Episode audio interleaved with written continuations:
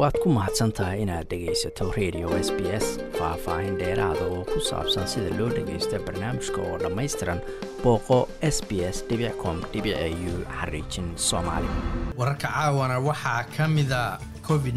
nka oo qalalaase ku dhaliyey shacabka australia oo u diyaargaroobaya ciidda krismaska xanibaadoo lagu soo rogay qaybo ka mida northern territory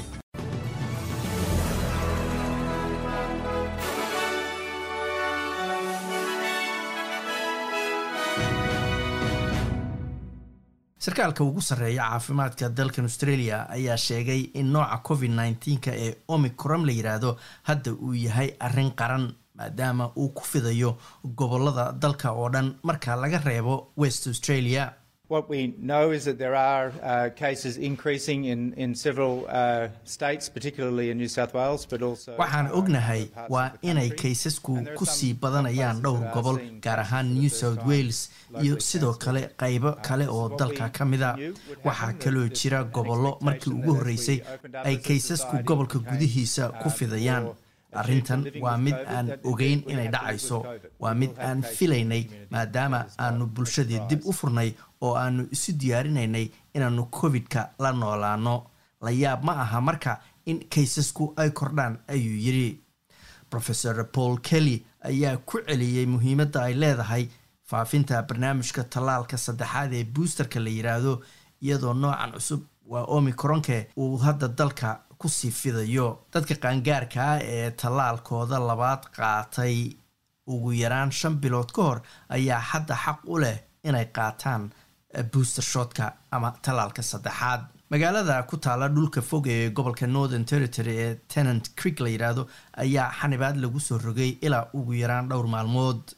Northern territory ayaa laga diiwaangeliyey sideed kays oo cusub oo covid nneteen ah oo afar ka mida ay yihiin dad degan tenant creek ku-xigeenka wasiirka koowaad ee gobolkaasi nicole manison ayaa sheegtay inaan loo baahnayn in dadku ay si qalqala alaabo uga gataan dukaamada si ay u kaydsadaan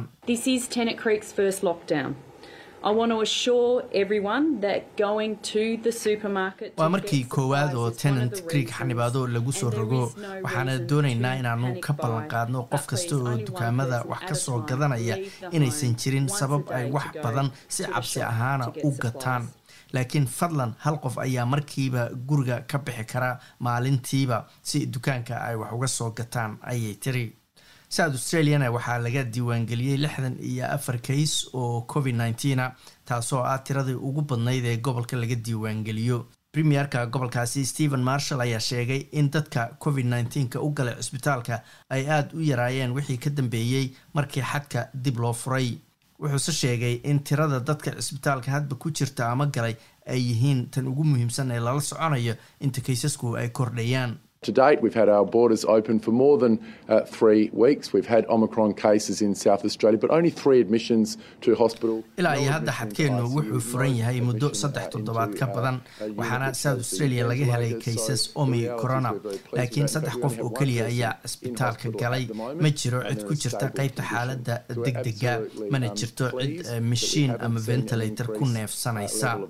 waana arrin aan ku faraxsannahay. xaqiiqdu waxay tahay in hal qof oo keliya uu ku jiro cisbitaalka waana cabirka aanu isticmaalayno wixii hadda ka dambeeya. South australia ayaa lagu waday inay xanibaadaha sii qafiifiso labaatan iyo sideedda bisha december markaas oo lagu wado in sagaashan boqolkiiba dadka da-doodu ka weyntahay labaiyo toban sano ay qaateen labada tallaal isla maalintaas ayaa waqtiga karantiilka dadka dibadda ka imanaya la yareynayaa iyadoo la gaarsiinayo oo keliya toddobaatan iyo laba saacadood oo keliya. Dowladda queenslandna waxa ay ku qasbaysaa afdaboolka aba maaskiga in la xirto marka dadku ay ku sugan yihiin goobaha dukaamada iyo gaadiidka dadweynaha. Tan ayaa imanaysa iyadoo gobolku labaatan kays oo cusub oo covid nneteen diiwaan geliyey ilaa haddana la helay shan kays oo omicron nooca la yiraahdaa premierada gobolkaasi anastasia palashay ayaa sheegtay in sharciga afdaboolka qasabka uu bilaaban doono laga bilaabo berito waxaana wax laga bedelayaa ama dib loo eegayaa marka gobolka uu gaaro sagaashan boqolkiiba laba tallaal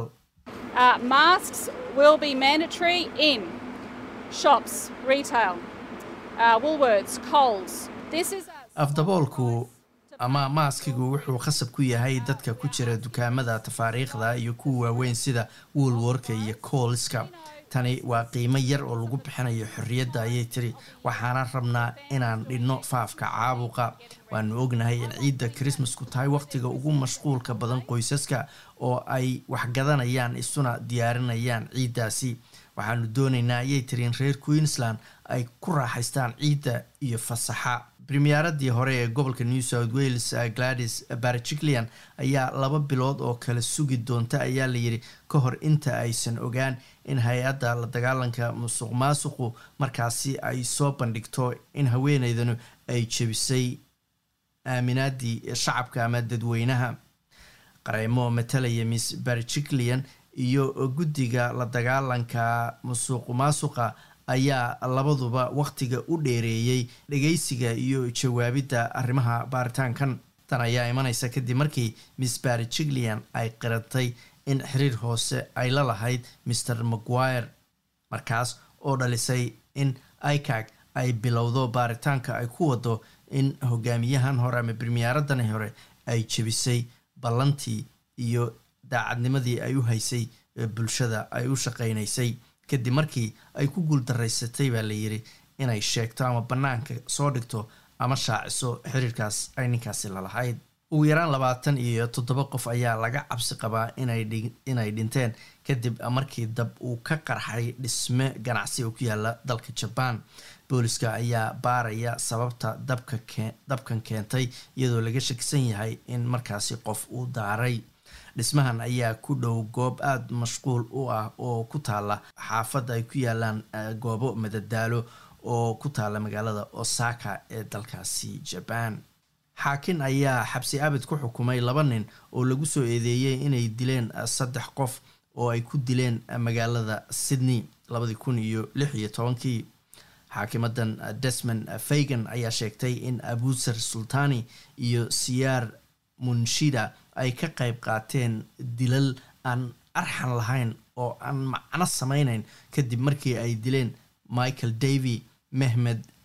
yilmas iyo basqual barbaro. Saadaasha hawada brito oo sabtiya bishuna ay tahay toddobiyo toban magaalada bet waa qayb ahaan daruur iyo labaatan iyo saddex digrie adelaide. Inta badan waa cadceed iyo labaatan iyo toddoba digrie melborna waa qabow galabka imanaya iyo weliba dabaylo soddon iyo kow ayayse gaaraysaa